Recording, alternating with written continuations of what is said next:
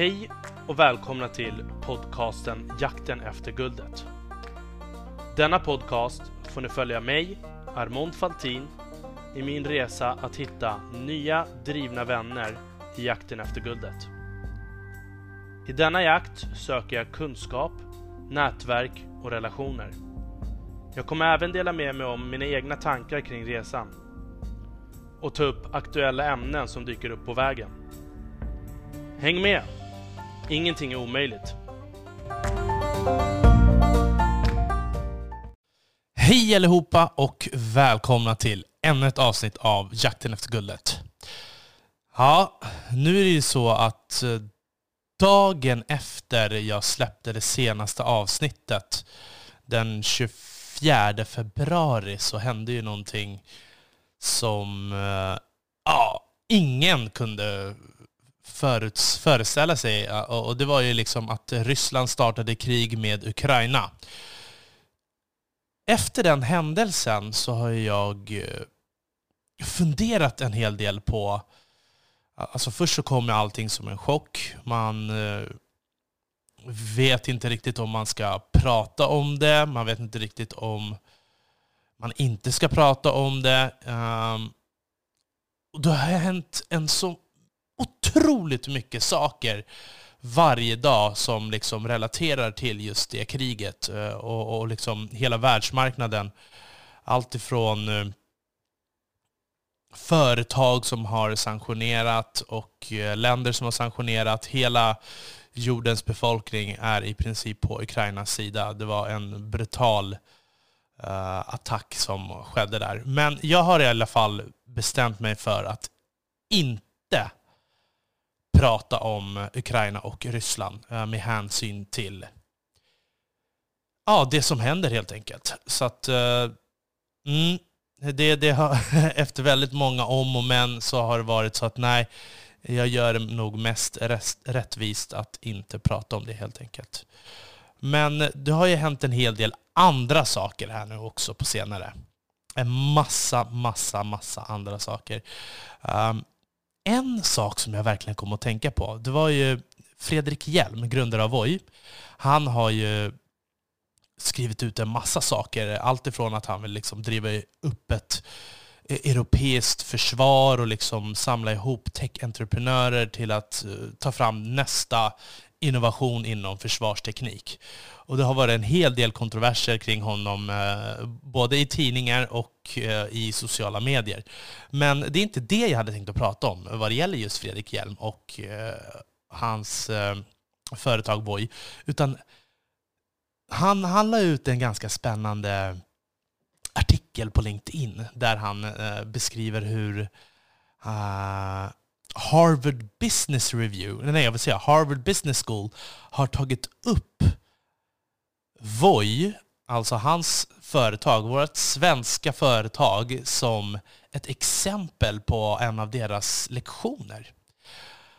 Och det är ändå ganska förståeligt. Tänk er att Voi startades och grundades av tre, fyra personer, eh, ett kompisgäng och en syster, som får en idé om att man ska göra det enklare att ta sig fram i stadsmiljö med elsparkcyklar. Och de lyckades ju på mindre än tre månader, från att de bara var ett kompisgäng till på inom tre månader ha över 400 anställda runt om i Europa. Och bara där, snacka om växtverk, snacka om hur, hur klarar du av att liksom anställa 400 pers på tre månader? Och då har ju allting självklart handlat om liksom, eh, det, det, det är chefspositioner och sådär, och så klättrar man ju uppifrån och neråt. Men eh, att de tar upp det här caset i Harvard var ju väldigt spännande och han la upp en bild där på LinkedIn där han delar med sig om hur det såg ut i klassrummet och sådär. Um, och det är alltid lika roligt när eh, ett svenskt företag lyfts upp eh, som ett affärsprojekt liksom, på en av de bästa och kändaste skolorna i världen. Mm, så det är big props till Fredrik Hjelm och teamet på Voi som lyckades ta sig in på Harvard Business School utan att ha gått på Harvard, som han själv nämnde det. Och sen så har vi också ett annat företag, och då tänker jag på Polytopia. Det är ett svenskt eh, strategispel som har fått giganter, som bland annat Elon Musk, att börja twittra om. Och eh, någonting som jag tyckte var extra roligt med just det, eh, i samband med att man såg att Elon Musk hade twittrat om det här spelet, jag själv känner inte till spelet, jag, har, jag, är inte, jag är inte en gamer så jag vet inte alls vad det är för slags spel, mer än att det är ett strategispel. Men vi har ju en annan svensk stjärna som har gjort ett stort samarbete nu med Polytopia som heter Alltså, eh, företaget heter Challenger Mode och eh, det är en svensk grundare, Robel Efrem, eh, som är grundare och vd för Challenger Mode. Och det går ju ut på att du ska kunna betta med dina kompisar om hur du ska gå i matcher helt enkelt. Och så kan man slänga in pengar i en pott och den som vinner eh, får potten. Och eh, Polytopia är ju ett strategispel. Det går ut på att du kan du får eh, ett antal pengar och gubbar tror jag. och Sen kan du bygga upp en stad och du kan bygga upp ett land och så ska du gå ut i krig och sådär. Och så får man se hur duktig man är på lägga strategi helt enkelt. Och där är det extra kul för Robel Efrem är också en person som jag faktiskt har velat ha in till podden. Och jag har ju chattat med honom både lite på LinkedIn och sådär. Och eh, sen så kommer jag ihåg att, jag vet inte om jag har berättat det här eh, vi var inne tillsammans på ett Clubhouse-rum. Eh, då när Clubhouse var så himla stort. Och, och, och, och jag lyfte upp handen liksom och, och, ställde frågor till eh, Robel när han var en av moderatorerna i det här rummet.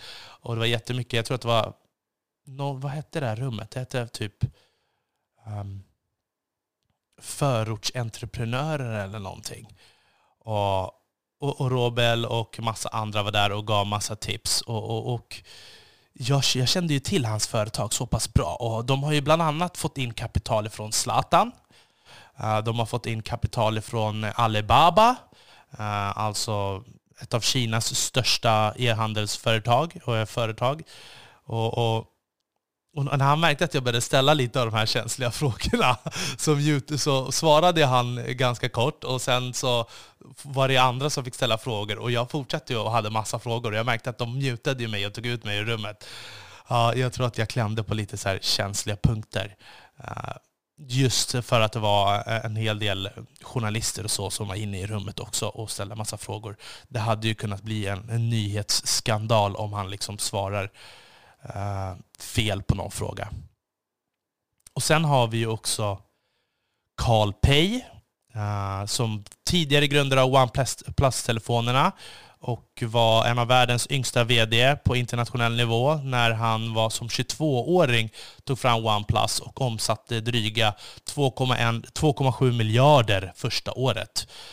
Han har ju tagit fram de här hörlurarna till hans företag Nothing, som vi också pratade om tidigare. Eh, Nothing har ju drivit in eh, en ny runda kapital i en B-runda. 70 miljoner dollar tog han in här om veckan. Och eh, totalt från 20, ett sent 2020 så har han tagit in 144 miljoner dollar. Alltså cirkus 1,4 miljarder kronor. Och de har ju redan skeppat över från augusti förra året över 400 000 enheter. Och det genererar cirkus 400 miljoner kronor. Så nu handlar det bara om att de ska liksom skala upp i en enorm hastighet. Och jag har ju pratat om Carl Pei också innan och alla galna saker som jag har skrivit till honom. Ja, fy, fy Armond alltså. Nu när jag tittar tillbaka på det så skäms jag lite ibland, för vi har liksom Uh, vi har en del gemensamma nämnare i samma krets och sådär. Så att uh, ja, det kommer bli kul när vi ses någon dag. Um, men de har, det har i alla fall gått superbra för honom och de har dragit in, dragit in massa pengar. De har ett stort uh, internationellt nätverk. De har ju tagit in marknadsansvarig för Dyson nu som har gått in i Nothing istället. Och ehm, de har tagit in en hel del riktigt grymma personer. Jag har pratat om det här tidigare, så jag vill inte liksom um, ösa över alldeles för mycket till eh, ni som har lyssnat på tidigare avsnitt. Men eh, någonting annat som han gjorde också, det var ju att han startade det här Go Explore China.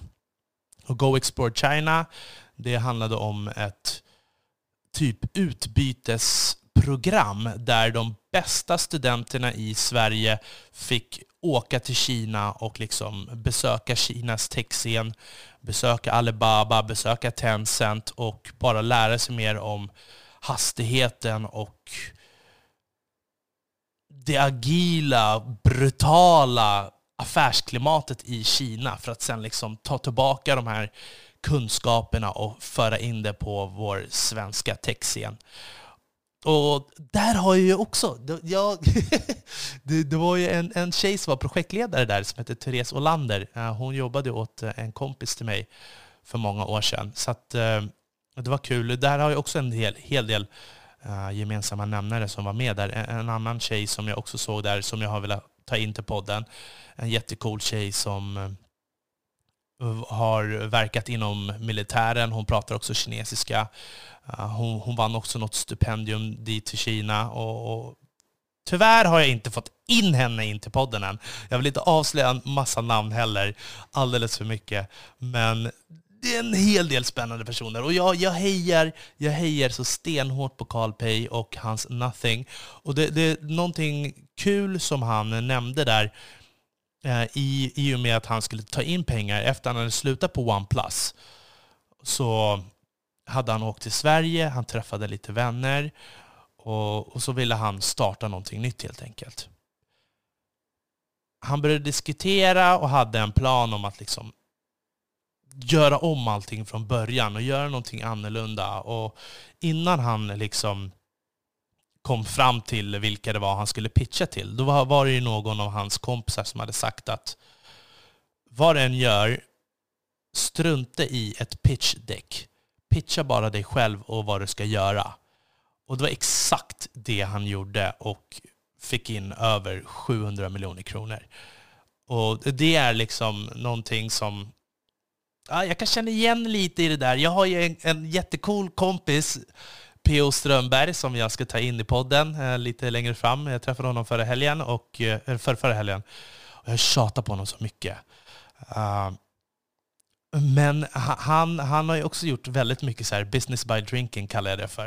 Uh, när han träffar människor och de gör, skapar liksom relation på krogen eller på restauranger och, och, därefter så kan man ju skicka affärsplanen och sådär. Men det är väldigt mycket som har fixat sig och löst sig utan liksom att göra det traditionella, att du har en affärsplan och tar fram um, en massa bilder på en skärm, utan liksom bara sälja själva idén och sen så kommer affärsplanen efteråt. Så det gjorde Carl jättebra och det var kul att höra hur han hade hur han hade liksom fått fram allting.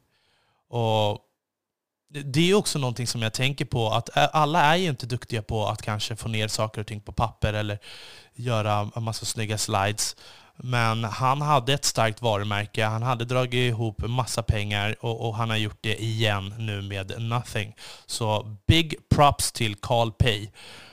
Och en annan, jag fortsätter bara här, uh, en till rolig grej, The Apprentice, som är på TV4 på onsdagar. Där känner jag ju till också eh, tre, fyra personer. Uh, Royette Telo till exempel, är ena killen. Uh, då jag och en kompis Daniel, vi gick på en föreläsning för ungefär fem, fem sex år sedan tror jag det var fem år sedan, som Rojet uh, höll faktiskt i Hammarby sjöstad. Så att honom lärde vi känna och honom lärde, eh, träffade vi och han var jätteduktig då och, och driven och sådär.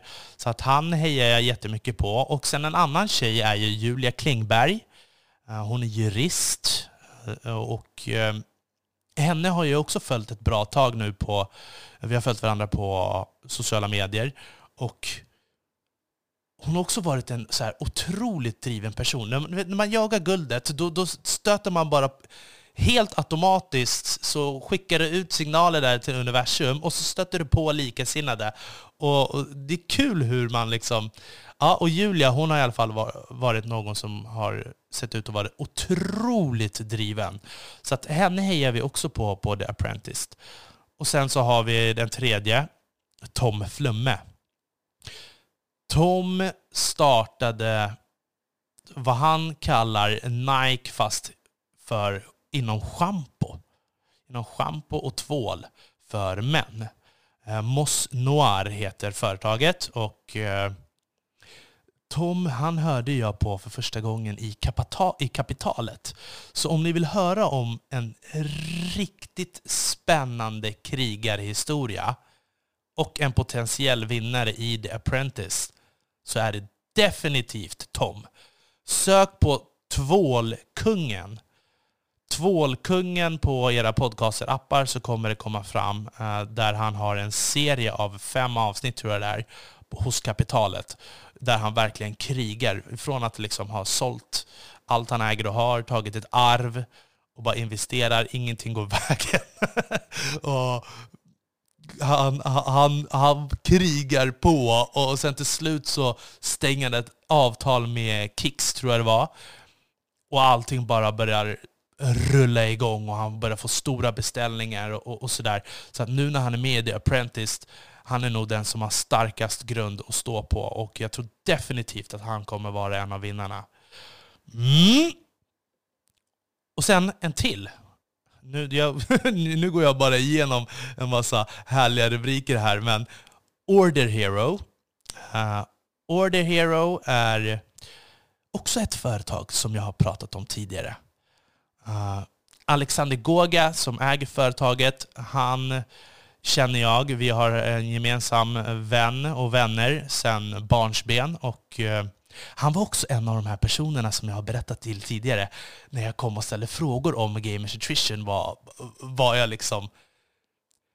Hur, hur mycket tror du jag behöver för kapital i, för, för marknadsföring? Det var någonting sånt. Och så gav han bara mig ett svar liksom, men vad fan tror du att jag ska göra ditt jävla arbete eller? Och så började han förklara hur jag skulle tänka istället. Och, och, och det var ju liksom en av de här stora vändningarna. Men eh, det företaget, Order Hero, hette ju ClickSize från början. Och ClickSize var ju det här företaget som eh, säljer eller hyr ut skärmar till restauranger så du kan boka och beställa din mat helt enkelt utan att behöva stå i kö.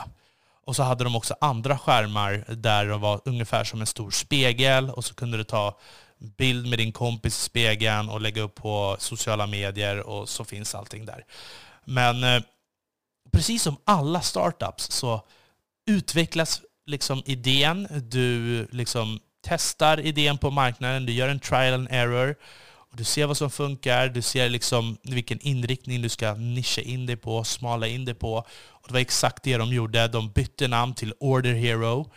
Och nu så effektiviserar de restaurangbranschen. Alltså de har ju de har sålt så himla mycket nu under pandemin för att folk inte vill liksom träffa människor eller stå i kö. Så att de har allt ifrån QR-koder till att du trycker in på skärmen själv.